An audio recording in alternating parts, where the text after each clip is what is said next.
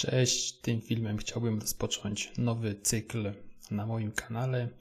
Cykl poświęcony rozwiązaniom DeFi, czyli Decentralized Finance, zdecentralizowanych finansów.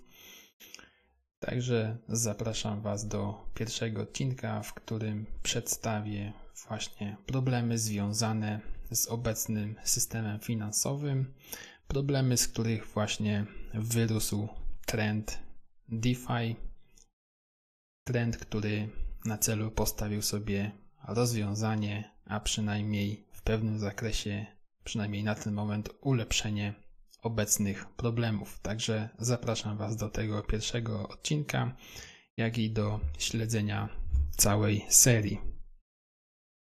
DeFi, czyli zdecentralizowany system finansowy oparty o technologię blockchain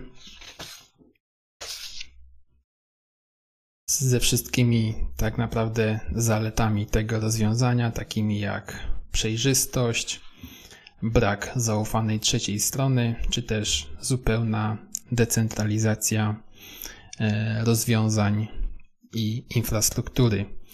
Trend DeFi jest obecnie niezwykle fascynujący i nabiera coraz bardziej na znaczeniu, jak i na popularności. Potwierdzeniem tego jest chociażby fakt, że większość obecnie funkcjonujących smart kontraktów na ten moment właśnie funkcjonuje w ramach realizacji rozwiązań opartych o DeFi. Tak podobnie jak i same kryptowaluty, które zapoczątkowały w zasadzie wykorzystanie technologii blockchain, tak samo DeFi jest według mnie naturalną konsekwencją, która właśnie prowadzi do rozwoju zarówno technologii blockchain, kryptowalut, jak i oczywiście powstania nowego świata finansów.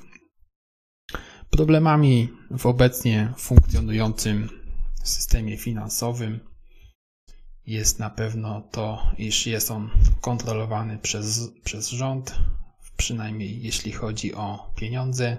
Sam system finansowy często uznawany jest za kontrolowany przez tak zwanych dużych graczy, czyli przez elity finansowe, przez instytucje, przez banki centralne. I to jest fakt, który również obecnie występuje.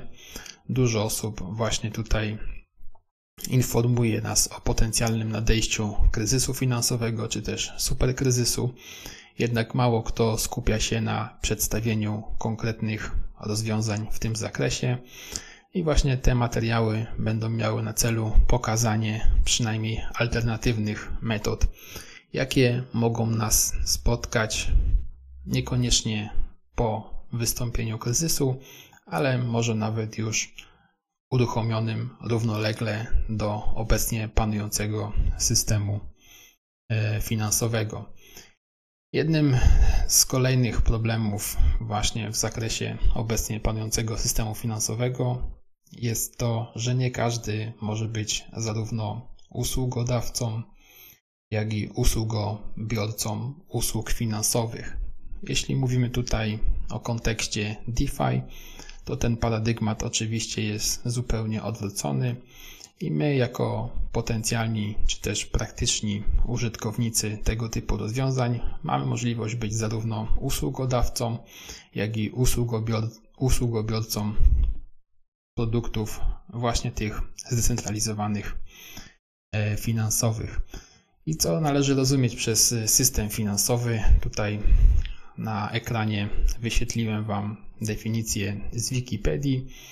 Ja to odbieram jako po prostu zbiór podmiotów świadczących usługi finansowe oraz wszelkiego rodzaju zależności pomiędzy tymi e, podmiotami. Oczywiście system finansowy prawidłowo funkcjonujący ma duży wpływ na rozwój gospodarki, na rozwój gospodarki e, we właściwym kierunku.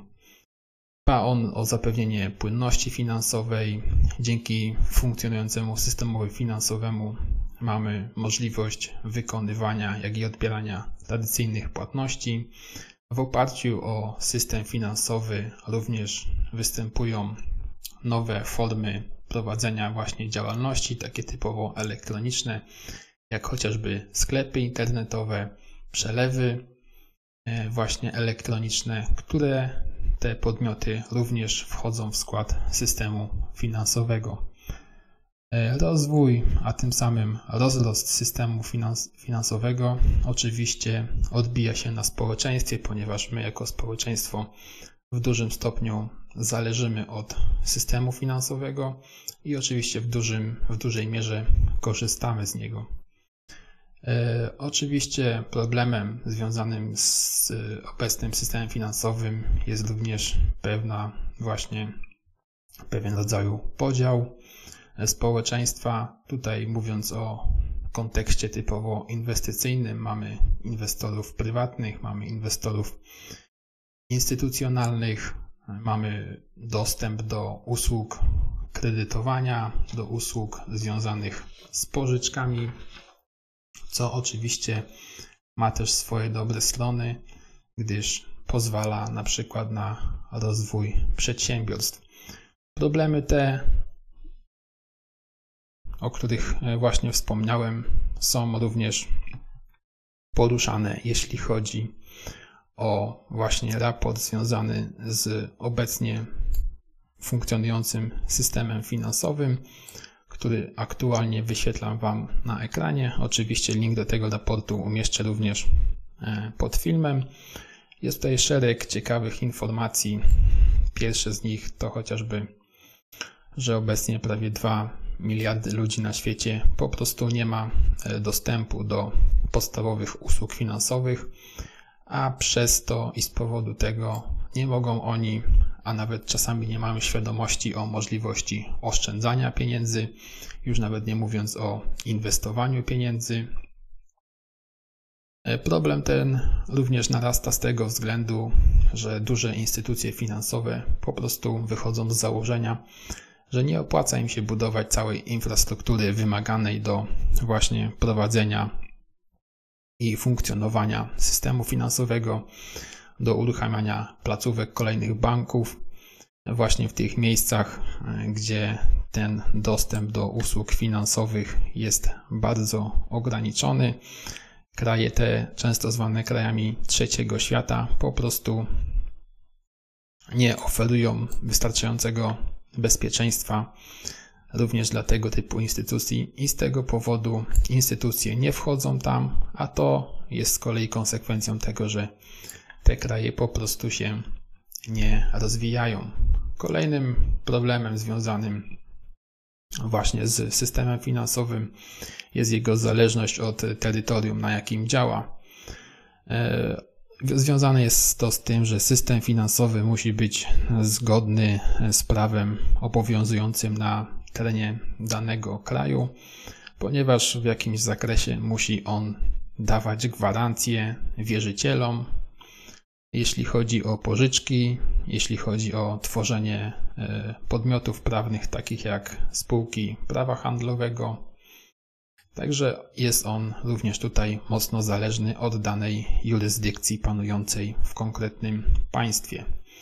E, system finansowy jest e, również ograniczony. Tutaj, jeśli mówimy o jeśli mówimy o na przykład możliwościach inwestycyjnych, to mamy tutaj w szeregu różnych krajów inwestorów prywatnych, inwestorów instytucjonalnych. Często właśnie tacy inwestorzy e, zwani właśnie w USA chociażby inwestorami akredytowanymi. Tutaj wyjaśnienie tego e, znajduje się na ekranie.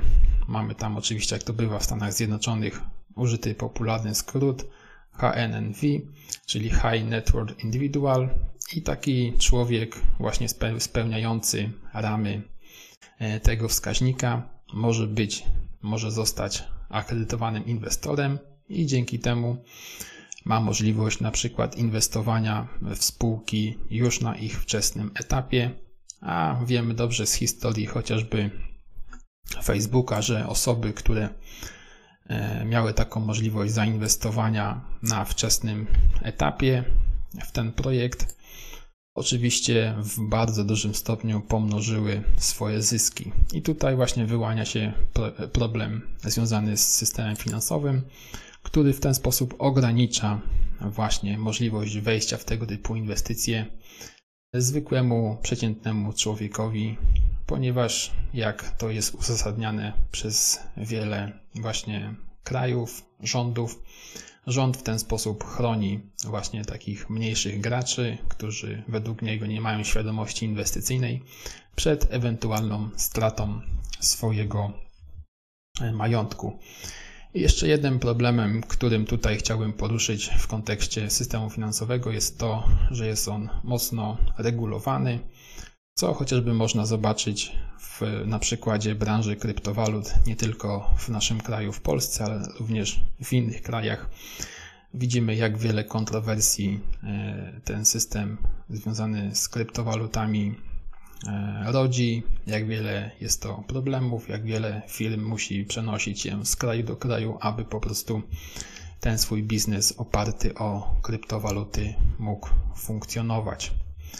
Oczywiście mamy też na dzień dzisiejszy dostęp do tak zwanych e, przejściowych rozwiązań, do rozwiązań z branży fintech, które oczywiście trochę w większej mierze automatyzują, a na pewno już zmniejszają biurokrację w porównaniu do tradycyjnego systemu.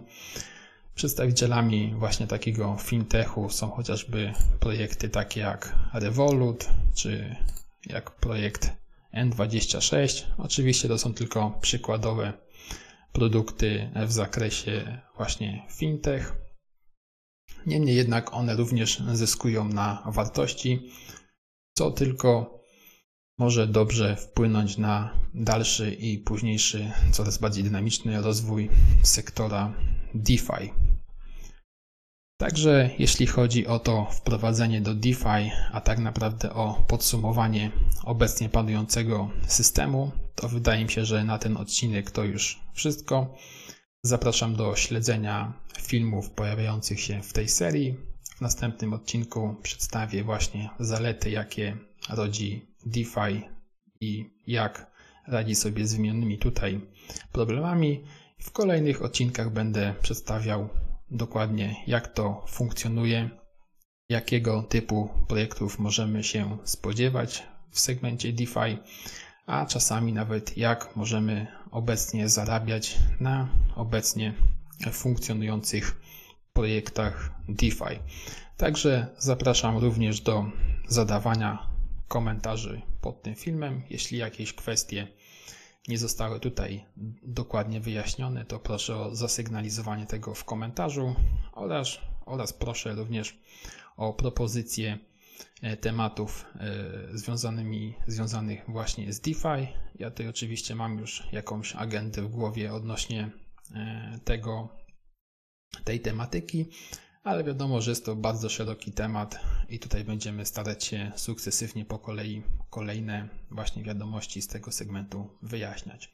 Także dziękuję Wam do, za poświęcony czas i zapraszam do następnego odcinka. Dzięki, cześć.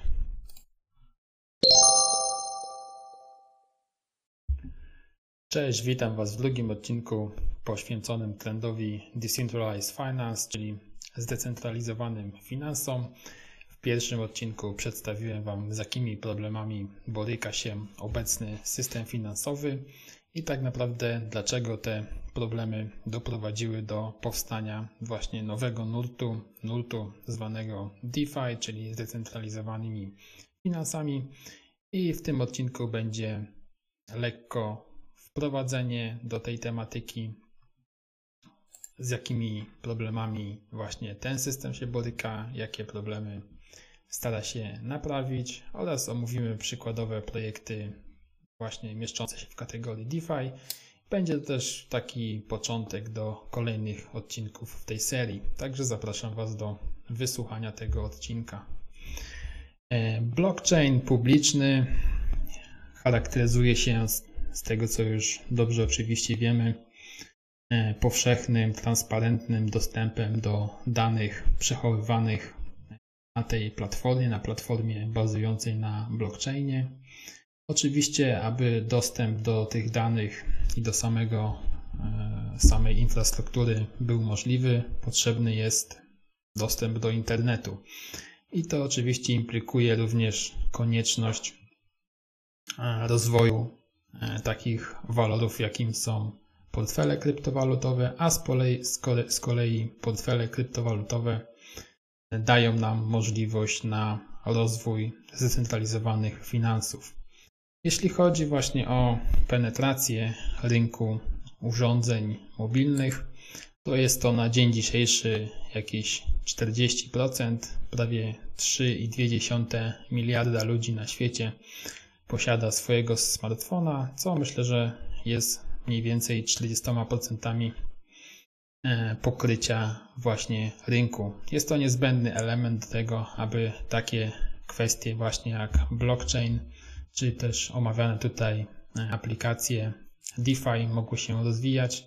Jest to oczywiście niezbędne. Oczywiście jakiś ułamek ludzi, który posiada dostęp do internetu, będzie w stanie zainstalować sobie portfel kryptowalutowy, czy to na telefonie, czy to na swoim komputerze osobistym, a osoby, które posiadają portfel kryptowalutowy, kolejnie, kolejno część z tych osób będzie mogła i będzie chciała mieć możliwość skorzystania tak naprawdę właśnie z rozwiązań zdecentralizowanych finansów, z rozwiązań e, rynku DeFi. I dzięki temu mamy pokonany jeden z podstawowych problemów obecnego systemu, czyli dostęp do tego typu rozwiązań staje się tym samym globalny, ponieważ jest on możliwy spośród każdego urządzenia które jest w stanie połączyć się z internetem. Bez względu na region czy kraj, użytkownik czy też posiadacz e, telefonu, komputera podpiętego do internetu ma czy też będzie miał możliwość właśnie skorzystania z rozwiązań bazujących o zdecentralizowane finanse. Oczywiście pierwszym projektem, który, że tak powiem, można podpiąć do nurtu zdecentralizowanego zdecentralizowanych finansów jest oczywiście Bitcoin, który rozwiązał problem kreacji pieniądza, który do tej pory był przypisany jedynie konkretnym ustrukturyzowanym podmiotom. W Bitcoinie oczywiście jest to zrobiony sposób zdecentralizowany i tak naprawdę każdy chcący dołączyć do sieci nodów tego projektu może odpowiadać i współtworzyć pieniądz, wirtualny walutę Bitcoin. Dostęp oczywiście do Bitcoina jest niezwykle prosty, co również e, w dużej mierze rozwiązuje problem dostępu do e, bankowości elektronicznej, która, jak pamiętamy z poprzedniego, z poprzedniej dokumentacji przedstawionej w pierwszej części materiału, E, dostęp do usług bankowych jeszcze nie jest tak bardzo e, popularny na świecie. I oczywiście Bitcoin przez to, że bazuje i w swoich pierwotnych założeniach również bazował na blockchainie, dostęp ten e, tworzy w sposób jawny i dość transparentny. Kolejnym przykładem, jeśli chodzi o elementy takie wprowadzające do DeFi, były to i są to oczywiście działania ICO, czyli Initial Coin Offering, e, umożliwiające zbieranie funduszy w sposób globalny, czyli daje to możliwość pomysłodawcom przede wszystkim zebranie funduszy na swój projekt, o ile oczywiście uzyska on akceptację społeczności, wtedy taki projekt zostaje dofinansowany poprzez zakup odpowiedniej ilości tokenów przez osoby chcące wesprzeć ten projekt. I tu ponownie mamy pokonany problem e, dostępu do, do finansowania e, osób mających ciekawe pomysły na projekty. Mamy bardzo dobrze rozwiązany problem związany e, z globalnym tego typu dostępem, z powszechnym dostępem, gdyż jest on uniezależniony tak naprawdę od jurysdykcji, od prawa, od kraju czy też od regionu, w którym pomysłodawcy dany projekt chcą rozwijać. E, kolejne problemy e, poprzedniego, e, obecnie funkcjonującego systemu finansowego, jakie rozwiązują projekty ICO, jest to łatwość dotarcia do inwestorów. Tutaj niepotrzebne są dodatkowe mechanizmy. Oczywiście, jak wszystko ma to swoje plusy i minusy, jednak porównując to do obecnie funkcjonującego systemu, ta łatwość dotarcia do inwestorów jest dużo prostsza. Wystarczy oczywiście odpowiednia kampania w internecie, odpowiednie rozreklamowanie. Nie mamy tutaj podmiotów e, pośredniczących, jak to do tej pory było realizowane, czyli pomysłodawcy musieli udawać się do jakichś funduszy typu seed czy typu venture capital, które za odpowiedni udział e, w powstającej spółce celowej e, obejmowały oczywiście odpowiedni, odpowiedni poziom aktywów tej spółki. Oczywiście ICO umożliwia również i daje dużą łatwość pozostania tego typu inwestorem, czyli osoba mieszkająca zupełnie gdzie indziej nie ma potrzeby nawet wychodzić z domu, aby brać udział w takim ICO, a tym samym stawać się właśnie udziałowcem, inwestorem w danym projekcie. Nie ma tej potrzeby jakiejś specjalnie e, ciężkiej weryfikacji. Nikt nie sprawdza, czy mamy jakieś e, odpowiedni, odpowiednie zabezpieczenie finansowe. Dysponujemy takimi środkami, jakimi, jakie chcemy przeznaczyć na inwestycje w dany projekt i za taką kwotę poprzez ICO właśnie e, wykupujemy i wspieramy tym samym konkretnych pomysłodawców. Oczywiście pod, tutaj pod tym nurtem należy również mieć na uwadze kolejne hybrydowe rozwiązania bazujące na ICO, czy to IO, czyli Initial Exchange Offering, czy STO, Security Token Offering. Te mechanizmy omówiłem w jednym z innych filmów znajdujących się na swoim kanale. Kolejnym takim powiedzmy krokiem milowym w zakresie wprowadzania rozwiązań Decentralized Finance są oczywiście giełdy, a zwłaszcza giełdy zdecentralizowane, giełdy prawdziwie zdecentralizowane, które dzięki oparciu swojej funkcjonalności o smart kontrakty, o smart kontrakty umieszczone na blockchainie, e, są dużo bardziej bezpieczne i otwarte niż standardowe scentralizowane giełdy. Jeśli chodzi o funkcjonowanie, podział giełd, umożliwiających właśnie wymianę aktywów i wymianę kryptowalut zarówno w sposób scentralizowany, jak i zdecentralizowany. Myślę, że na ten temat pojawi się oddzielny odcinek. Tutaj jedynie zasygnalizuję tego, tego, tego typu tematykę jako jeden z kolejnych właśnie kamieni milowych w zakresie rozwoju e, trendu DeFi. E, środki w zakresie trzymanych giełd zdecentralizowanych występują na smart kontraktach, a nie na systemie dedykowanym, utworzonym na potrzeby danej giełdy, systemie napisanym w sposób tradycyjny. Oczywiście wpływa to również na bezpieczeństwo. Niemniej jednak warto tutaj zauważyć, że na ten moment zdecentralizowane giełdy są choćby ze samego sposobów, w jaki są przedstawiane użytkownikowi, czyli ze względu na ten interfejs użytkownika, obecnie są trochę trudniejsze do użytkowania niż tradycyjne giełdy. E, I oczywiście różnią się też e, nieznacznie paradygmatem po, w podejściu do czy to zapewnienia płynności, czy też ogólnie funkcjonowania tego typu rozwiązań, ale do tego tematu wrócimy w jednym z kolejnych odcinków.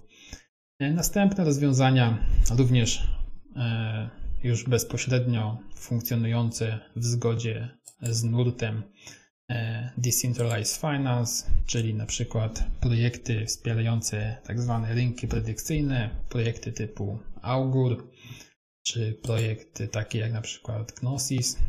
One również ten nurt tutaj jawnie wspierają i pozwie, poz, pozwalają na wykorzystanie zaawansowanych mechanizmów w celu właśnie określania przyszłych wartości konkretnych aktywów. Tego typu rozwiązania również będę chciał przedstawić w jednym z kolejnych odcinków serii poświęconej zdecentralizowanym finansom. Kolejne tego typu projekty to na przykład platforma Compound, platforma będąca przedstawicielem platformy pożyczkowej. Projekt Compound, czy też e, szereg innych tego typu projektów również myślę, że warto będzie tutaj przedstawić je w oddzielnym odcinku, może nawet w jednym z odcinków. Zobaczymy tak naprawdę, jakie możliwości zarobkowe dają te platformy działające w zgodzie właśnie z nurtem DeFi. Także jeśli chodzi o ten odcinek, to myślę, że to już wszystko. Podsumowując, zostały tutaj przeze mnie przedstawione e, poszczególne kamienie milowe, które w miarę pojawiania się i w miarę rozwoju rozwiązują, czy też jeszcze starają się rozwiązać problemy występujące w obecnym e, systemie finansowym, problemy związane między innymi z kreacją pieniądza, z dostępem do poszczególnych mechanizmów finansowych typu zostanie inwestorem czy pozyskiwanie inwestorów, e, dostępem nieograniczonym ze względu na lokalizację, odpornym na właśnie konkretne jurysdykcje prawne. Także myślę, że jest to dosyć ciekawe i godne uwagi zagadnienie, zagadnienie DeFi. Także zapraszam do kolejnych odcinków tej serii. Dziękuję Wam za poświęcony czas. W razie pytań proszę o umieszczanie ich w komentarzach. Dziękuję, cześć.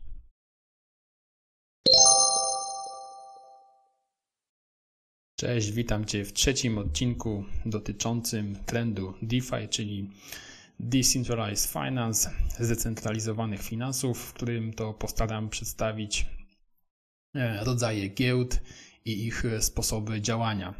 Jest to pierwszy temat pokazujący konkretne przykłady, o których mówiłem w poprzednich odcinkach. E, giełdy, jak na tę chwilę, moim zdaniem są najbardziej popularnym obecnie e, jeszcze podmiotem z zakresu e, DeFi, także pozwoliłem sobie zacząć od nich.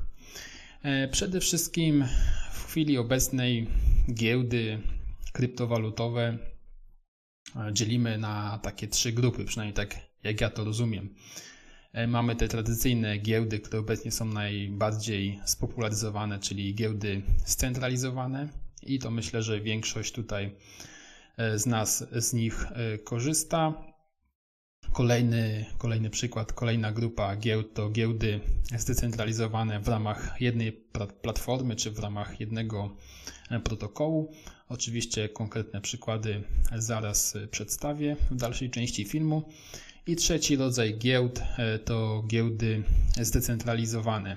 Zdecentralizowane zupełnie, umożliwiające e, wymianę asetów, wymianę zasobów różnych protokołów e, pomiędzy sobą.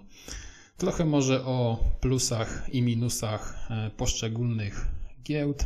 Przede wszystkim jeśli chodzi o giełdy scentralizowane, to nie ulega wątpliwości, że polegamy tam na zaufanej trzeciej stronie, czyli w tym przypadku na dostawcy, na podmiocie odpowiedzialnym za prowadzenie tej giełdy, czyli na firmie oraz na jej oprogramowaniu ze wszystkimi plusami i minusami e, tego rozwiązania. Oprogramowanie giełdy, jak wiemy, może być e, podatne, może zawierać w sobie jakieś typowe błędy programistyczne, błędy logiczne, błędy związane z infrastrukturą. E, także tutaj podejmujemy oczywiście ryzyko. Dodatkowo e, jest to dedykowane oprogramowanie wytworzone na potrzeby danej giełdy.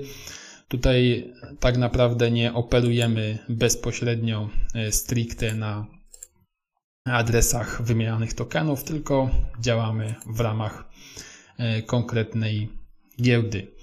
E, oczywiście tutaj e, część środków znajduje się na cold walletach, które są tak zwanym zabezpieczeniem.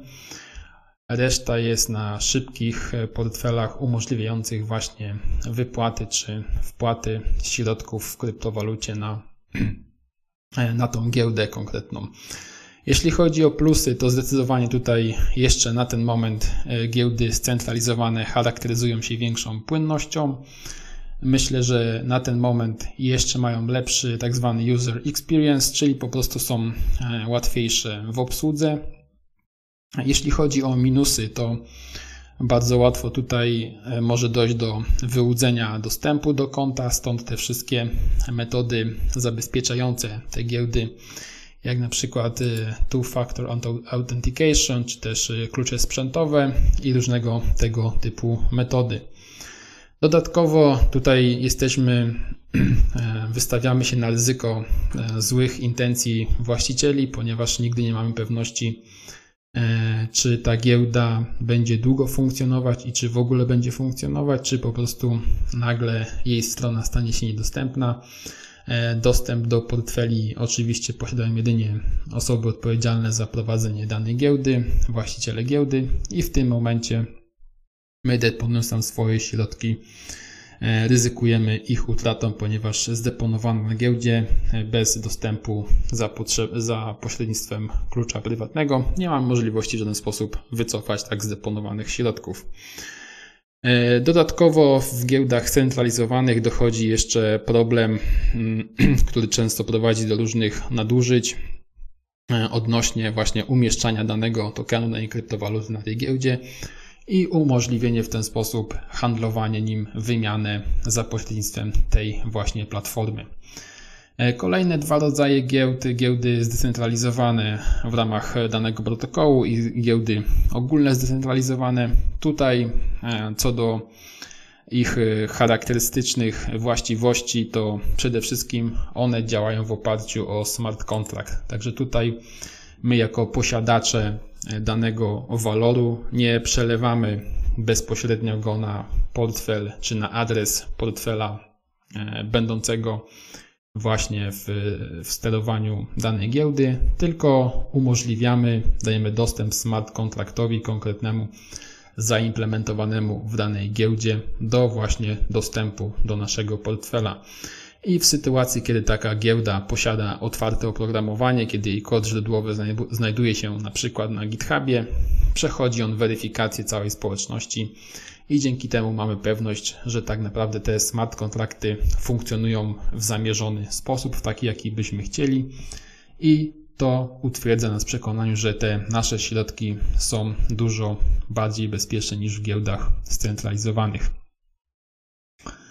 E, jeśli chodzi o e, giełdy zdecentralizowane, to również e, w ich niektórych implementacjach reguły zapisane są w blockchainie, czyli tutaj mamy przede wszystkim dwa rodzaje, albo reguły funkcjonowania giełdy zapisane na smart kontrakcie, albo reguły zapisane bezpośrednio w protokole, czyli na blockchainie najczęściej. E, oczywiście giełdy zdecentralizowane ze względu na e, swój otwarty charakter, zarówno pod względem dostępu, jak i pod względem e, otwartości oprogramowania, są bezpieczne na, na cenzurę i zwykle nie wymagają weryfikacji, czyli w momencie, kiedy chcemy skorzystać z danej giełdy, raczej nie powinno być tutaj żadnej potrzeby weryfikacji, przechodzenia procedur KYC czy AML. Z tego względu, że po prostu ich funkcjonowanie zapisane jest w zdecentralizowanym oprogramowaniu na zdecentralizowanym protokole. I tak e, tutaj pozwoliłem sobie podzielić te giełdy zdecentralizowane na dwie generacje, czyli pierwsza generacja, gdzie przykładami tego typu giełd jest na przykład e, wyświetlony e, w tym momencie protokół BitShares, Oraz drugim przykładem jest y, oprogramowanie giełdy bazującej na platformie Waves. I w, tym, y, w tych dwóch przykładach wygląda to tak, że bardzo łatwe jest y, na tych platformach wypuszczenie własnego tokenu, a następnie wymianę tego tokenu na inne tokeny zgodne z tym protokołem na giełdzie. I to oczywiście są przykłady, czyli BitShares i Waves. E, z giełd zdecentralizowanych, gdzie reguły mamy zapisane bezpośrednio w protokole. Także tutaj to należy podkreślić, gdyż tutaj jest to niezwykle istotne. E, druga generacja giełd zdecentralizowanych to giełdy, gdzie e, reguły zapisane są już bezpośrednio w smart kontraktach. I to oczywiście dużo bardziej ułatwia prowadzenie takiej giełdy, zmiany w jej funkcjonowaniu, ponieważ smart kontrakty e, dają się w lepszy sposób aktualizować, czy nawet zmieniać. Nie trzeba zmieniać całego protokołu, całej architektury, aby po prostu wprowadzić jakieś e, wymogi zmiany w kodzie związane choćby na przykład e, z bezpieczeństwem. I tutaj przykładem takiej giełdy e, jest na przykład giełda EtherDelta, kolejna giełda IDEX, giełdy oparte o protokół 0x, giełda na przykład Uniswap, która jest również giełdą zdecentralizowaną e, drugiej generacji. E, giełda Bancor, giełda kolejna e, Fork Delta. Także to są przykłady giełd, które swoje mm, reguły posiadają zapisane bezpośrednio w smart kontraktach. Ostatnia, trzecia generacja, czy nawet może już kolejna w zakresie giełd zdecentralizowanych są to giełdy na które tak naprawdę myślę, że wszyscy czekamy, przynajmniej osoby, które mają świadomość funkcjonowania obecnych giełd i giełd zdecentralizowanych. E, trzecia generacja giełd zdecentralizowanych to giełdy oparte o smart kontrakty, ale umożliwiające wymianę zasobów pomiędzy protokołami, czyli giełdy pozwalające w łatwy i szybki sposób wymienić na przykład Ethereum na e, Bitcoina, czy też na przykład y, tokeny wytworzone na platformie Waves z tokenami zgodnymi ze standardem ERC20 z platformy Ethereum. I na te giełdy właśnie mm, funkcjonujące w ten sposób, oparte o smart kontrakty, myślę, że cały czas y, czekamy. E, powinny one oczywiście rozwiązać y, przede wszystkim trzy główne problemy. Przede wszystkim tak, wolne tempo funkcjonowania takich giełd, ponieważ no, operacje związane z wymianą środków pomiędzy protokołami e, wymagają różnych e, weryfikacji, są to skomplikowane procesy i ich tempo realizacji jest na ten moment dosyć wolne. Oczywiście giełdy tego typu również początkowo są skomplikowane, a na pewno będą, ponieważ tak jak to wynika z samej technologii. Wymiana pomiędzy różnymi protokołami nie jest e, trywialna w implementacji. I kolejnym problemem, z którym te zdecentralizowane giełdy trzeciej generacji, czyli oparte o smart kontrakty i umożliwiające wymianę zasobów pomiędzy różnymi protokołami, to wysokie koszty związane właśnie z wymianą tego typu zasobów. Także jeśli chodzi o ten odcinek ze świata zdecentralizowanych finansów, to już wszystko. Serdecznie zapraszam do pytań i do komentarzy pod tym filmem. E, myślę, że w następnym odcinku podejmiemy e, krótkie, krótki opis do innych ciekawych rozwiązań e, w zakresie z zakresu DeFi a następnie przejdziemy do już konkretnych projektów, ich funkcjonowania i spróbujemy znaleźć sposób, w jaki można by skorzystać choćby sfinansowo z tego typu projektów. Dziękuję i zapraszam do śledzenia kanału. Cześć!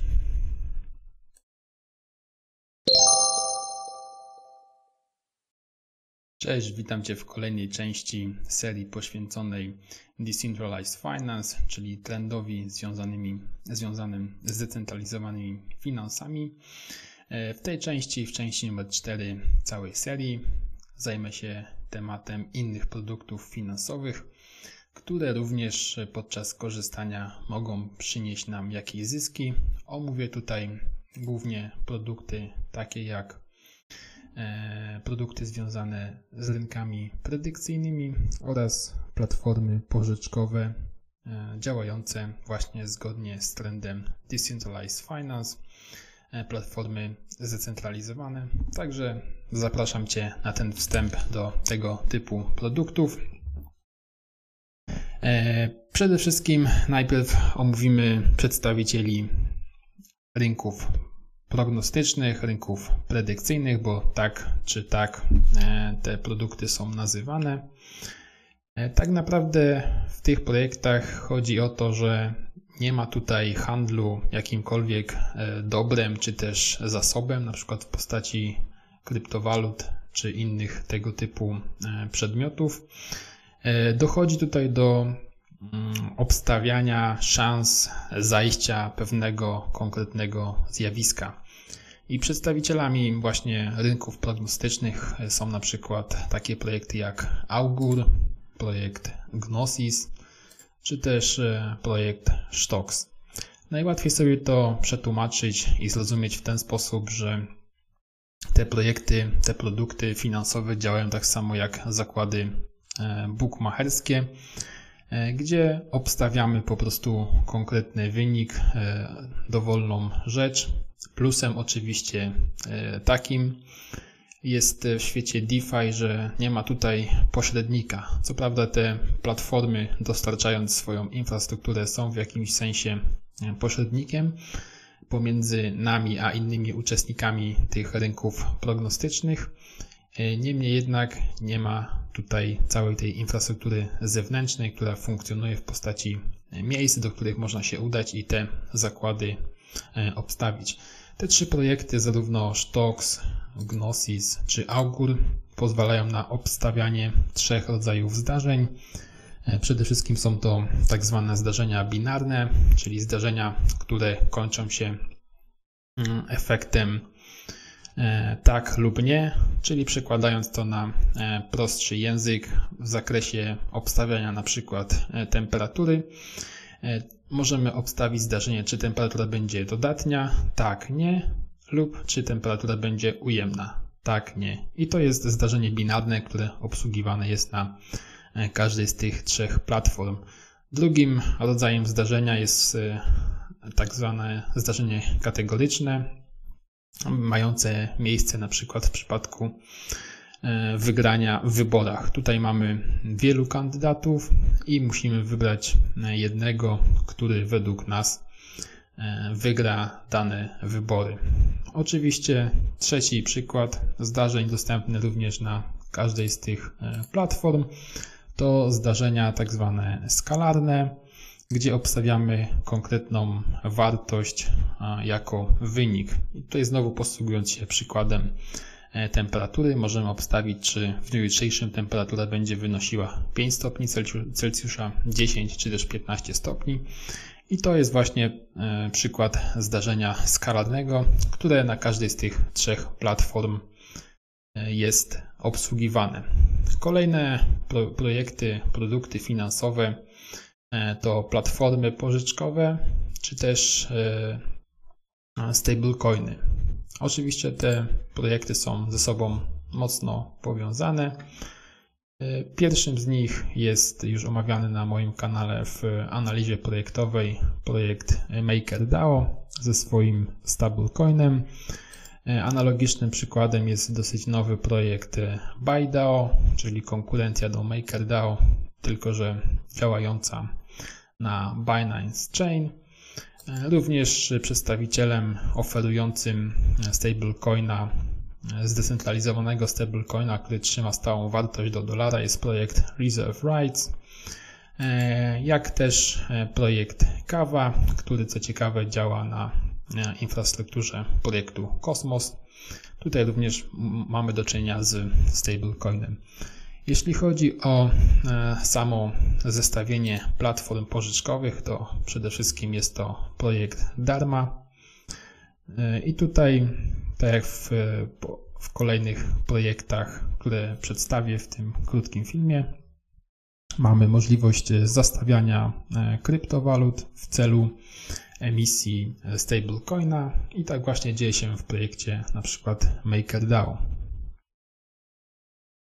E, tutaj niezwykle istotnym problemem, e, jaki, z jakim te projekty się borykają, jest właśnie trzymanie tej stabilnej ceny do, e, do dolara, czy do akurat we wszystkich tych projektach mówimy o trzymaniu ceny do dolara z tego względu, że jest to bardzo ważne przy zmiennym kursie kryptowalut. I po prostu algorytmy tych projektów, smart kontrakty uszczególniając są tak napisane, by właśnie w odpowiednimi miarami, odpowiednimi e, zapisami trzymały tę e, stabilną cenę do dolara, aby po prostu zastawione kryptowaluty, które tutaj e, pożyczamy innym, którzy na przykład potrzebują ich w celu handlowania na giełdzie, miały stałą wartość i aby ta wartość była algorytmicznie regulowana, tak żeby po prostu, żebyśmy nie byli stratni w przypadku e, jak do tej pory bardzo zmiennych i znaczących wartości cen konkretnych projektów. I te projekty to, e, tak jak wspomniałem wcześniej, Darma, platforma pożyczkowa, czy też e, platforma Compound, gdzie również e, jesteśmy w stanie zastawiać i pożyczać nasze, nasze kryptowaluty, głównie Ethereum, w celu właśnie pozyskiwania konkretnych zwrotów procentowych. E, również taką e, dodatkową metodą pozyskiwania dodatkowych tokenów, tym razem na platformie EOS, jest możliwość ich wypożyczania, czy też e, czasami jest nazywane leasingowanie tokenów i to również jest w stanie nam wygenerować dodatkowy zysk, który zgodnie z trendem DeFi, Decentralized Finance, niekoniecznie musi polegać na uprawianiu tradingu na giełdach. W tym odcinku to wszystko. Postarałem się tutaj streścić projekty będące reprezentantami, reprezentantami mm, kategorii takich jak rynki prognostyczne, czy też platformy pożyczkowe. W kolejnych odcinkach tej serii będę chciał bliżej przyjrzeć się tego typu projektom i zobaczyć, czy naprawdę oferują one jakieś realne zyski możliwe do wygenerowania. Zachęcam do zadawania pytań w komentarzach, do zgłaszania propozycji kolejnych tematów w tej serii. Na tę chwilę to wszystko. Dziękuję za poświęcony czas. Cześć.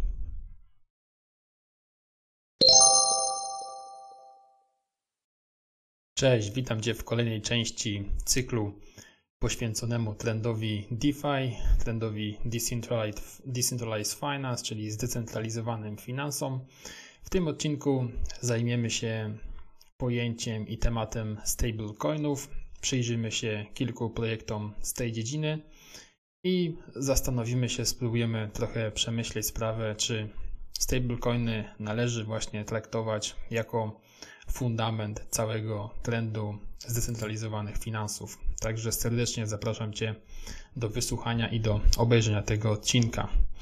E, zmienność kursu kryptowalut jest obecnie największym problemem w kontekście rozwoju tej technologii w segmencie DeFi. Rozwiązaniem pośrednim tego problemu są projekty typu właśnie stablecoin, utrzymujące swój kurs zgodnie z wybraną walutą fiducjarną, najczęściej jest to dolar. Na rynku dostępne są również e, stablecoiny utrzymujące kurs zgodnie z notowaniami takich aktywów jak na przykład e, złoto czy ropa. Oczywiście stablecoiny e, mają swoje zalety. Takie główne dwie zalety stablecoinów według mojej opinii to przede wszystkim utrzymanie stałej wartości, co może przyczynić się do zwiększonej adopcji stablecoinów i umożliwić ich użycie w życiu codziennym. Drugą z takich zalet jest bezpieczne wejście na rynek kryptowalut. To znaczy, że osoby e, nowe, chcące spróbować tej technologii, chcące wejść w świat kryptowalut, mogą bez konieczności ponoszenia ryzyka zmiennym kursem e, projektów innego typu właśnie spróbować najpierw od stablecoinów, a następnie ze stablecoinów przechodzić e, w inne projekty.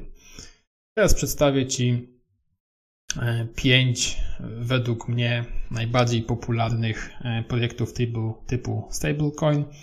I tak jak wcześniej wspomniałem, są one niezwykle ważne w trendzie DeFi z tego względu, że możemy śmiało korzystać e, z takich usług finansowych, usług zdecentralizowanych jak na przykład pożyczki i nie, nie martwiąc się za bardzo o kurs E, danej kryptowaluty, gdyż wszystko jest e, sprowadzane do stablecoina, a te przeważnie i w, w sporej większości utrzymują kurs w stosunku 1 do 1 do jakiejś fiducjalnej waluty.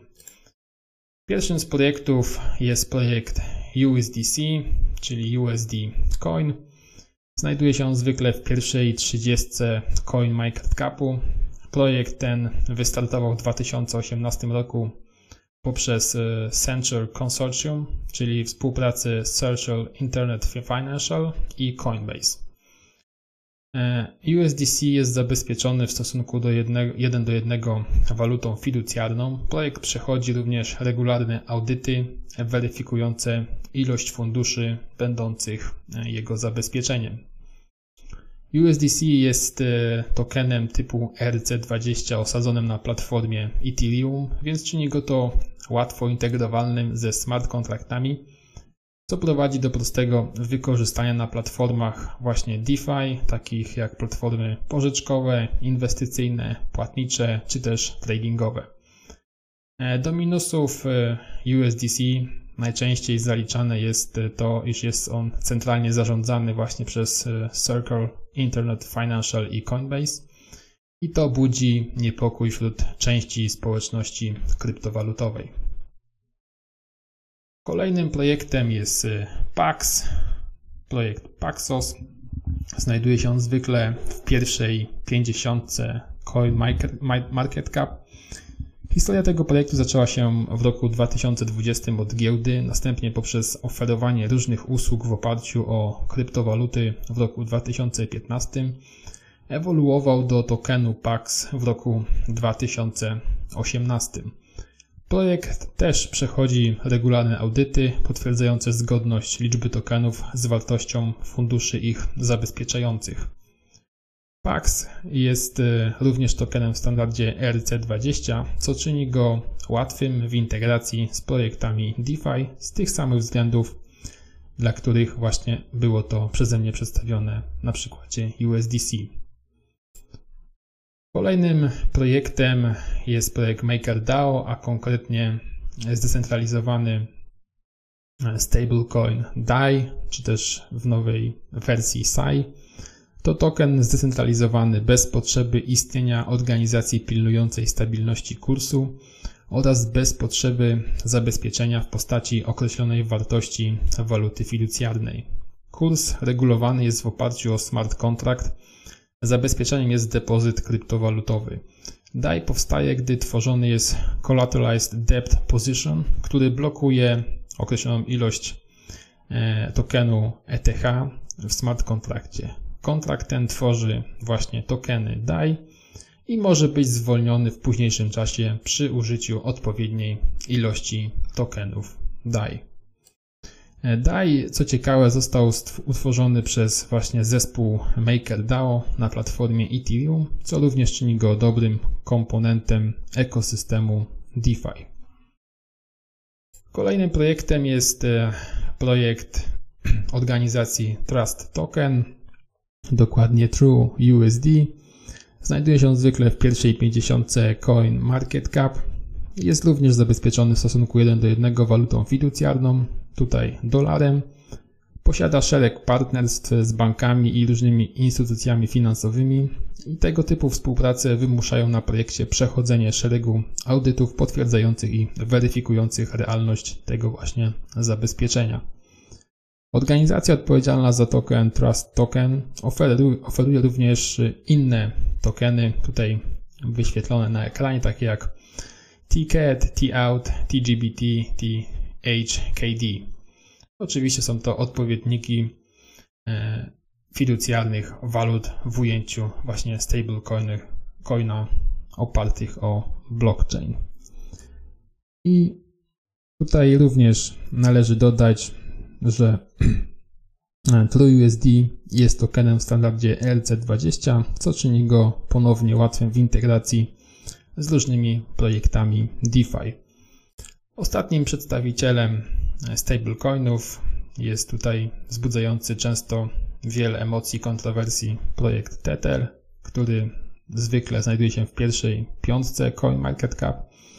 Jeden z pierwszych stablecoinów to jest i jak do tej pory najbardziej popularny. Projekt wzbudza, tak jak powiedziałem, wiele kontrowersji, głównie oscylujących wokół faktycznej ilości waluty fiducjarnej będącej zabezpieczeniem tego stablecoina oraz y, z niejasną współpracą z giełdą Bitfinex. Pomimo różnych problemów jednak projekt ten zawsze stabilizuje swoją wartość do dolara i jak do tej pory utrzymuje się na najwyższej pozycji ze wszystkich e, stablecoinów, biorąc pod uwagę właśnie e, ilość tego tokenu w obiegu. To wszystko, jeśli chodzi o ten odcinek, pokrótce przedstawiający według mnie najpopularniejsze stablecoiny oraz parę zdań wyjaśniających, jak one działają. Podsumowując, wybór stablecoina oczywiście zależy od Ciebie. Przede wszystkim powinieneś zadać sobie pytanie, czy wolisz płynność czy decentralizację. I tutaj odpowiednikiem tego będzie na przykład Tether czy e, od organizacji MakerDAO stablecoin Dine. Czy wolisz na przykład prywatność od łatwości konwersji. To wszystko, jeśli chodzi o ten odcinek. Serdecznie dziękuję za poświęcony czas na jego obejrzenie i wysłuchanie. Proszę o informacje w komentarzach, czy rozwinięcie tematu poszczególnego stablecoina w kolejnych odcinkach wydaje się dla Ciebie interesujące, czy po prostu przejdziemy trochę w inną tematykę, a do tematu stablecoinów wrócimy ponownie za jakiś czas. Dziękuję, cześć.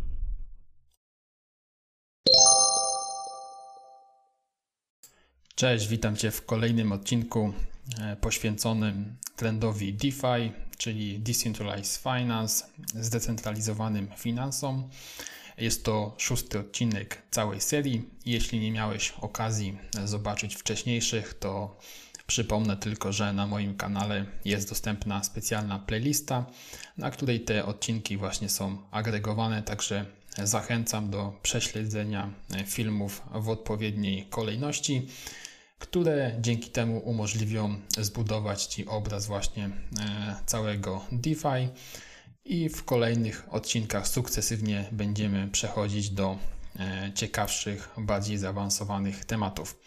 Dzisiaj przedstawię, jak śledzić e, trend DeFi używając ogólnie dostępnych powszechnie narzędzi w internecie. Są to serwisy, które agregują właśnie informacje odnośnie aplikacji, a właściwie zdecentralizowanych aplikacji, które działają właśnie zgodnie z tym trendem.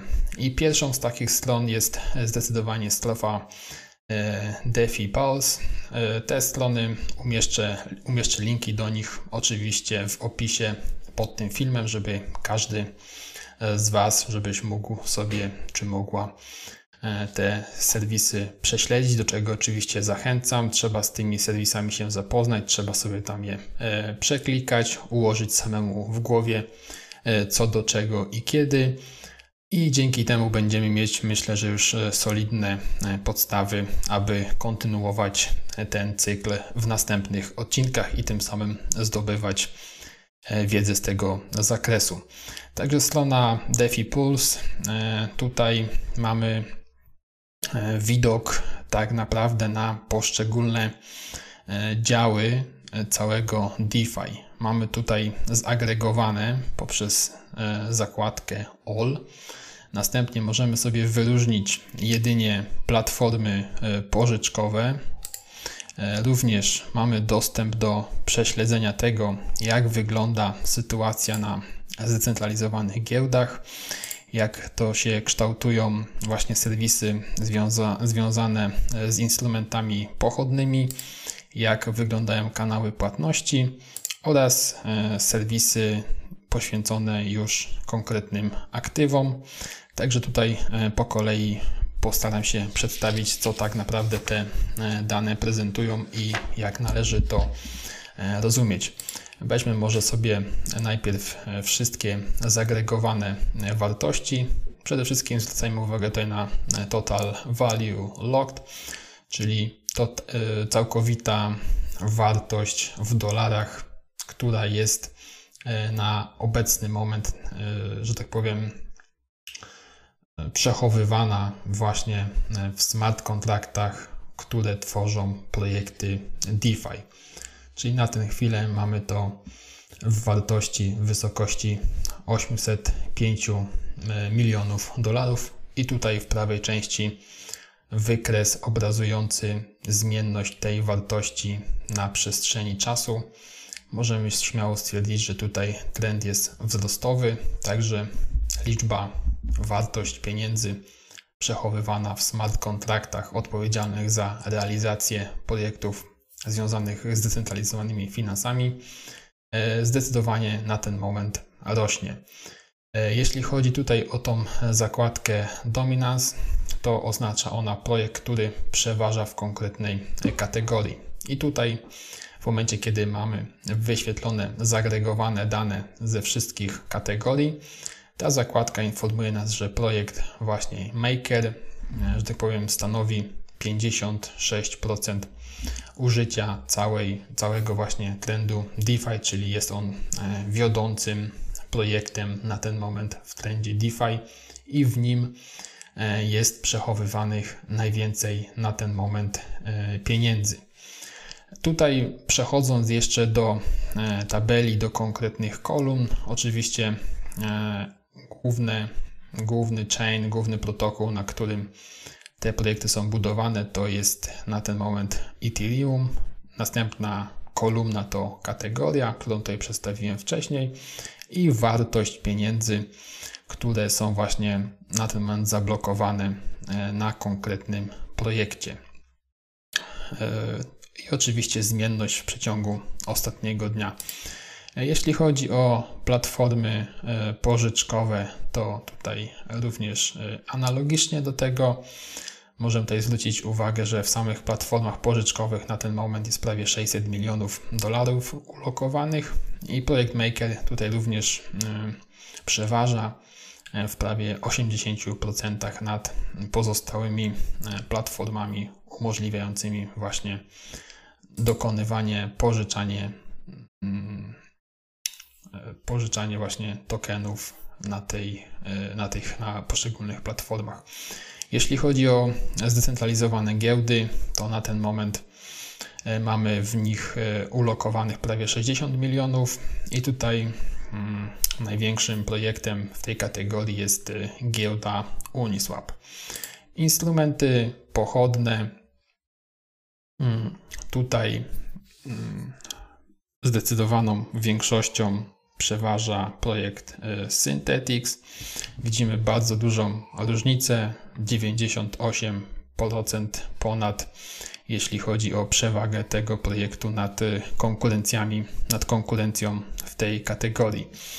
E, kolejny element, czyli kanały płatności, i tutaj również zdecydowanym konkurentem jeżdżącym tak naprawdę pozostałe podmioty w tej branży jest Lighting Network współpracująca tutaj e, z Bitcoinem. Jeśli chodzi o aktywa, to mamy tutaj projekt WBTC. Jest to projekt, który e, pozwala na mm, odwzorowanie wartości Bitcoina na platformie Ethereum w stosunku 1 do 1, co umożliwić ma po prostu zwiększenie płynności w wymianie BTC na poszczególnych projektach bazujących właśnie na protokole Ethereum i do tego ten projekt tak naprawdę jest y, potrzebny. E, to była pierwsza zakładka rankingi. Kolejna e, landing. Tutaj mamy informacje o, e, o platformach pożyczkowych i o konkretnych projektach zaangażowanych w te właśnie platformy a podzielone to jest względem właśnie e, kolejnych e, tokenów, kolejnych e, kryptowalut. Tutaj niezwykle ciekawym, ciekawym wskaźnikiem jest wskaźnik interest per year, który jest wyliczany poprzez właśnie pomnożenie wartości związanej z prowizją za udzieloną pożyczkę, czyli w momencie, kiedy my pożyczamy poprzez tą daną platformę i wraz z e, całkowitą wartością e, niespłaconego zadłużenia. Czyli mnożymy te dwie wartości i otrzymujemy wskaźnik interest per year, który właśnie sugeruje nam i pozwala wskazać, jakie jest zaangażowanie kapitału właśnie w branżę pożyczkową w oparciu o konkretny projekt funkcjonujący właśnie w oparciu o znowu konkretną kryptowalutę, konkretny token. Także sytuacja wydaje się trochę może skomplikowana, jednak myślę, że gdy każdy zastanowi się chwilę, to jest sobie w stanie to bardzo dobrze i szybko poukładać w głowie, do czego te tak naprawdę poszczególne tutaj opcje i wskaźniki e, służą. Z ciekawych rzeczy tutaj oczywiście możemy również e, pofiltrować wielkości względem konkretnej kryptowaluty i otrzymać oczywiście e, wartość w dolarach, jaka na ten moment jest w, w danej platformie pożyczkowej e, zablokowana. Tutaj technicznie, tak naprawdę tłumacząc, e, jak to wszystko działa, sytuacja jest e, myślę, że dość prosta. Każdy z tych projektów, tutaj odniosę się tylko do projektów bazujących na Ethereum, z czego tak naprawdę większość tutaj bazuje na Ethereum, mam tylko Lightning Network, który bazuje na Bitcoinie. Tak naprawdę każdy z tych projektów to jest jakiś smart contract na jakiś smart contract na platformie Ethereum i dane te, konkretnie dane na przykład tutaj do wskaźnika Total Value Locked e, pochodzą poprzez e, okresowe pobieranie wartości zapisane na tych smart kontraktach. Tutaj DeFi Pulse pobiera to co godzinę, a następnie mnoży przez aktualną wartość Etheru w dolarach i dzięki temu mamy wartość całkowitą zablokowanych aktywów, e, zablokowanych pieniędzy e, właśnie w smart kontraktach związanych z DeFi. Czyli krótko podsumowując, e, mamy smart kontrakt odpowiadający za realizację funkcjonalności DeFi, na przykład pożyczkowej. Wartość przechowywanych tokenów na tym smart kontrakcie jest systematycznie pobierana, wyrażona w eterach, pomnożona przez właśnie wartość eterów w dolarach i tym samym mamy tą wartość, która tutaj jest e, wyświetlana. Kolejna e, opcja e, na serwisie DeFi Pulse to taki prosty kalkulator pozwalający estymować potencjalny zysk, może tutaj w tym przypadku przychód wynikający z wykorzystania e, konkretnego, konkretnej kryptowaluty, konkretnego tokenu na danej platformie i w oparciu właśnie o odpowiednią ilość tego aktywa. E, I tak naprawdę tutaj widzimy, że mając 10 e, tysięcy mm, tokenów DAI, możemy w ciągu miesiąca wyciągnąć z tego 56 dolarów. I tutaj e, poszczególne serwisy mają oczywiście inne e, te wskaźniki, te prowizje, które otrzymujemy i estymują tak naprawdę wartość potencjalnego zwrotu. Oczywiście to jest tylko tak poglądowo, to w praktyce może się różnić i na pewno się będzie różniło. Także to powinniśmy traktować jako taki mniej więcej obraz tego, jaki rząd wielkości przychodów możemy wygenerować, e, korzystając z konkretnej platformy i wykorzystując na niej, a raczej nawet zamrażając e, swoje fundusze wyrażone w, konkretnym, e, w konkretnej ilości tokenów danego projektu na tej właśnie platformie. I to by było tyle, jeśli chodzi o serwis e, DeFi Pulse. Myślę, że bardzo istotny serwis pokazujący ciekawe wartości. Zdecydowanie każdemu tutaj z widzów, każdemu z Was polecam zapoznanie się e, z tym e, projektem, a właściwie może sugeruję, aby się z nim zapoznać. Myślę, że to jest warte poświęcenia chwili czasu. Kolejny projekt już trochę mniejszy, ale wydaje mi się również ciekawy, jeśli chodzi o w tym przypadku stablecoiny. E, oczywiście odcinek o stablecoinach w kontekście DeFi również jest w tej playliście, także zachęcam do zapoznania się. I tutaj mamy wyszczególnione najbardziej popularne stablecoiny, ich wartości, zmienność, cena oraz informacje to z jakich giełdach, e, spośród jakich giełd e, te wartości są w tym momencie pobierane. Także tutaj również e, zdecydowanie od czasu do czasu warto tutaj spojrzeć, aby mieć świadomość tego, które stablecoiny tak naprawdę przeważają, które mają największą płynność i z którymi po prostu wymiana czy przejście na giełdzie po transakcji nie będzie, nie powinna wzbudzać problemów.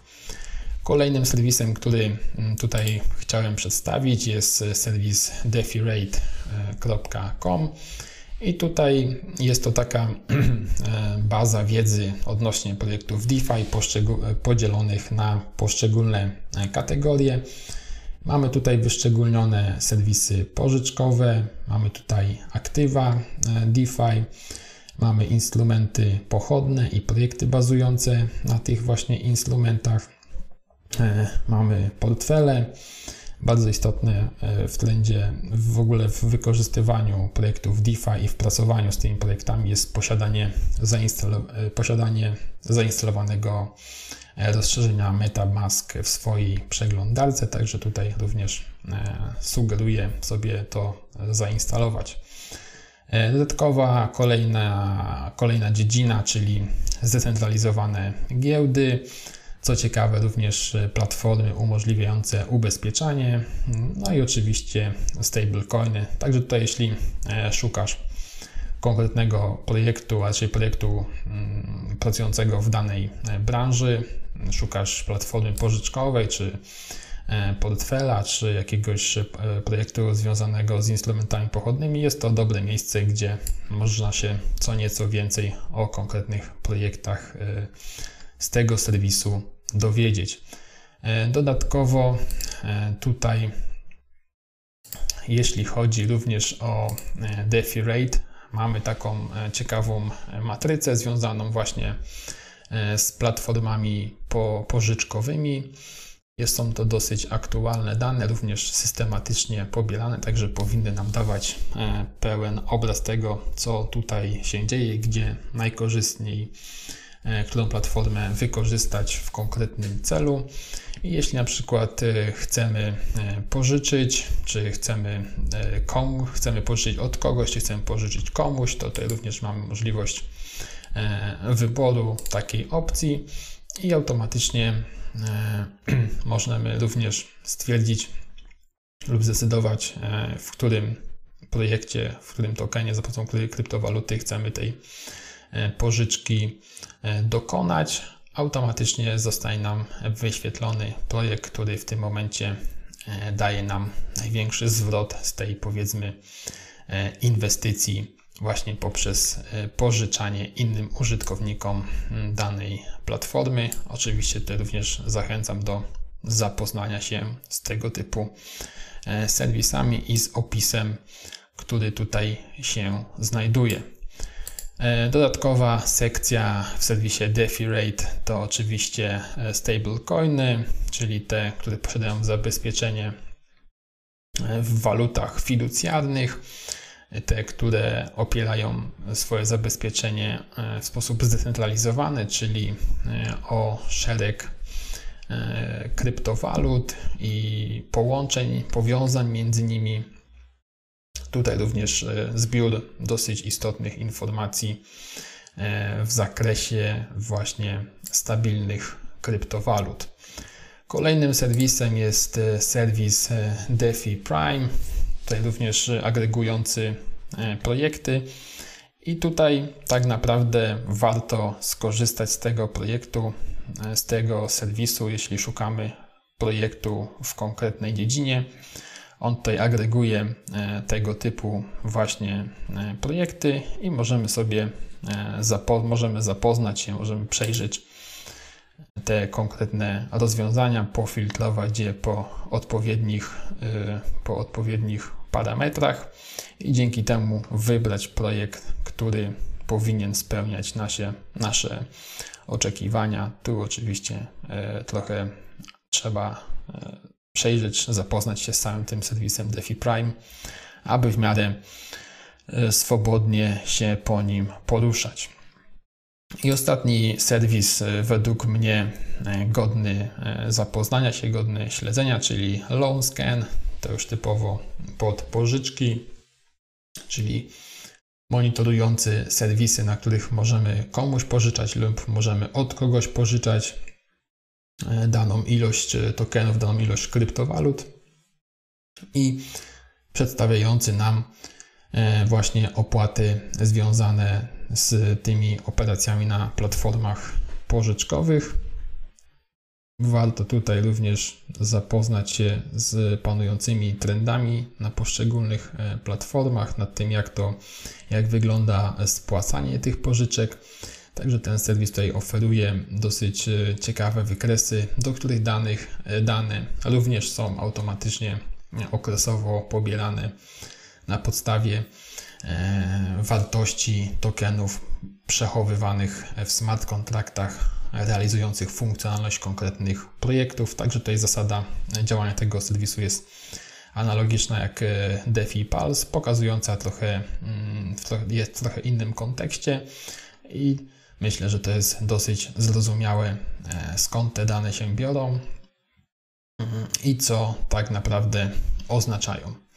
Jeśli chodzi o przegląd projektów, e, które pozwalają nam monitorować, śledzić trend DeFi. E, na ten moment to już wszystko. Oczywiście jest tego typu serwisów znacznie więcej. W tym materiale przedstawiłem takie moim zdaniem podstawowe.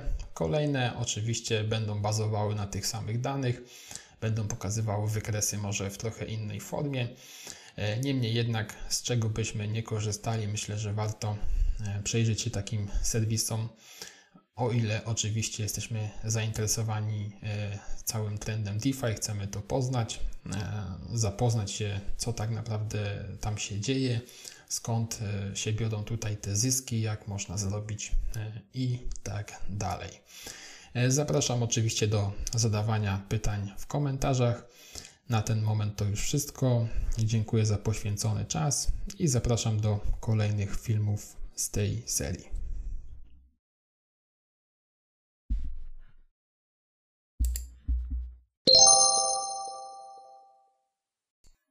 Cześć, witam Cię w kolejnym odcinku poświęconym trendowi DeFi, trendowi Decentralized Finance. W tym odcinku chciałbym omówić i przedstawić trochę takie moim zdaniem jeszcze nietypowe i niepopularne zastosowanie NFT, czyli Non-Fungible Tokens, właśnie w trendzie DeFi. Podyskutować trochę, w którą stronę to może iść i jak obecnie to wygląda. Także zapraszam Cię do wysłuchania i do obejrzenia tego odcinka. Przede wszystkim należałoby tutaj zacząć i tak też postąpię od omówienia różnic pomiędzy fungible tokens i non-fungible tokens.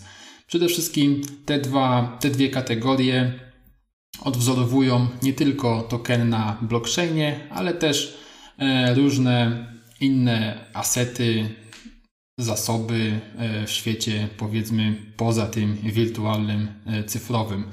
Także krótko omawiając, na czym ta różnica polega. Fungible tokens E, podobnie jak zresztą na przykład e, pieniądze, e, są wymienne między sobą. To znaczy, że ja mając monetę o wartości jednego złotego i ty mając również monetę o wartości jednego złotego, możemy te dwie monety między sobą wymienić i tak naprawdę żadna ze stron tutaj nie straci. Oczywiście pod warunkiem, że te monety są, nie są sfałszowane i pochodzą od prawowitego wydawcy tych monet. Natomiast jeśli chodzi tutaj o non-fungible tokens, czy ogólnie o tego typu elementy non-fungible, e, są to elementy unikalne, elementy, które nie są wymienialne. To znaczy, w momencie, kiedy ja na przykład wykonam jakąś powiedzmy rzeźbę, a ty namalujesz jakiś obraz, E, ciężko tak naprawdę będzie między sobą to wymienić, ponieważ są to dwa zupełnie unikalne, unikalne obiekty. I tak samo e, właśnie jeśli chodzi o e, elementy typu fungible tokens, fungible, tak naprawdę one są podzielne na mniejsze części przeważnie. Możemy tą przysłowiową, wspomnianą wcześniej złotówkę podzielić na właśnie monety 10 czy 20 groszowe. E, natomiast e, elementu typu non-fungible e, nie możemy, nie możemy podzielić, czy też nie możemy go rozmienić. I tak, żeby to wszystko móc umieścić na blockchainie, żeby to miało dla nas cyfrową wartość niepodważalną, należałoby określić jakiś standard, którego zastosowanie e, umożliwi właśnie przechowywanie tego typu elementów e, w świecie cyfrowym, e, w świecie właśnie projektów opartych o blockchain. I tak naprawdę mamy tutaj, choćby zawężając jedynie te rozważania do protokołu Ethereum, mamy tutaj znany chyba wszystkim standard tokenów ERC20. Są to takie przedstawicielami tego są na przykład projekty Omise Go, czy też e, na przykład e, Zero X. I mamy standardy ERC721, który właśnie odpowiada e, za tworzenie, jest takim interfejsem umożliwiającym tworzenie tokenów typu non-fungible, czyli takich unikalnych. Dodatkowo jest również jeszcze standard ERC1155, który na protokole Ethereum umożliwia tworzenie właśnie tokenów typu fungible i typu non-fungible. E, także tutaj ten, to słowo wstępu mam nadzieję, że pozwoliło Ci dokładnie zrozumieć różnicę pomiędzy właśnie fungible a non-fungible. Jeśli nie, to proszę o komentarz z konkretnym pytaniem. Będę starał się tutaj jak zwykle to dokładnie jeszcze uściślić. I podobnie jeśli w świecie DeFi mieliśmy stronę DeFi Pulse, tak e, tutaj jeśli chodzi o e, tokeny non-fungible, mamy stronę nonfungible.com, na której listowane są projekty, które właśnie charakteryzują się przede wszystkim e, zastosowaniem tokenów non-fungible w postaci różnego rodzaju wirtualnych dóbr możliwych do użycia na tych poszczególnych e, platformach. Tutaj obecnie największym jest e, projekt Decentraland, również znany kolejny GAT, GATS Unchained, CryptoVoxels, CryptoKitties, słynne, które spowodowało, przypomnę tylko, e, spowolnienie w dużym stopniu całego protokołu Ethereum. Każdy z tych tutaj projektów oczywiście wymagałby oddzielnego mm, omówienia. Nie jest to tematem tego odcinka. Tutaj w tym temacie, w tym odcinku chciałbym po prostu pokazać możliwe zastosowanie NFT e, w trendzie DeFi. Według mnie cały ten właśnie można to nazwać już trendem e, NFT. Całemu temu trendowi wymaga, należałoby poświęcić oddzielną serię. Także dajcie znać w komentarzach, czy tego typu e, filmy będą, będą dla Ciebie, będą dla Was interesujące, gdyż myślę, że w tym bardzo dużo się dzieje, biorąc pod uwagę rozrost całego sektora gamingowego. Jest tu naprawdę dużo do komentowania i dużo do śledzenia. E, parę przykładowych projektów, e, które wykorzystują NFT, poza tymi wspomnianymi na stronie właśnie nonfungible.com. E, typowo takich e, serwisów związanych z grami to na przykład e, projekt Wax, który umożliwia m.in. handlowanie, wymianę poprzez swego rodzaju giełdę właśnie elementami zgodnymi ze standardem NFT, czy też projekt Nimiku, który również tutaj duży kładzie nacisk na mm, właśnie NFT, na non-fungible tokens. E, omawiany już przeze mnie e, wcześniej protokół Ethereum i przypomnę tutaj trzy standardy ERC20, ERC721 czy ERC1155 oraz masa projektów, które właśnie na ten moment wykorzystuje protokół Ethereum do uruchamiania swoich e, projektów, które opierają swoją funkcjonalność właśnie na NFT. Dodatkowo warto tutaj odnotować e, projekt Algorand, projekt e, w obecnej, najnowszej wersji 2.0, który również wychodząc naprzeciw trendowi DeFi, o czym wspomina Andrzej na swoim kanale e, Dzienna dawka dyskomfortu. Tutaj co ciekawe, Algorand również przygotowuje się, przygotował się tak naprawdę już do tworzenia tokenów zarówno fungible, jak i non-fungible, to jest e, bardzo ciekawe i to jest bardzo, e, bardzo istotne właśnie e, w trendzie DeFi z tego względu, że mając tego typu rodzaj, tego rodzaju e, dobra cyfrowe, cyfrowe aktywa można na przykład odwzorowywać je na blockchainie. Wyobraźmy sobie, że mamy coś unikalnego, mamy jakieś dzieło sztuki i chcemy przyszłości mieć na przykład również cyfrowe potwierdzenie posiadania takiego dobra. Również możemy to za pomocą właśnie standardów NFT odwzorować na blockchainie. Co ciekawe, cały trend NFT, mm, bazując również na DeFi, idzie w tą stronę, że tego typu cyfrowe dobra czy e, cyfrowe odwzorowanie fizycznych dóbr może być swego rodzaju zabezpieczeniem na pożyczki, które e, klienci mogą pobierać poprzez konkretne serwisy. E, tych serwisów też już obecnie jest parę, m.in. Rocket E, niestety tutaj w tym odcinku nie będę się na nich skupiał. To jest materiał oczywiście na kolejne inne przemyślenia.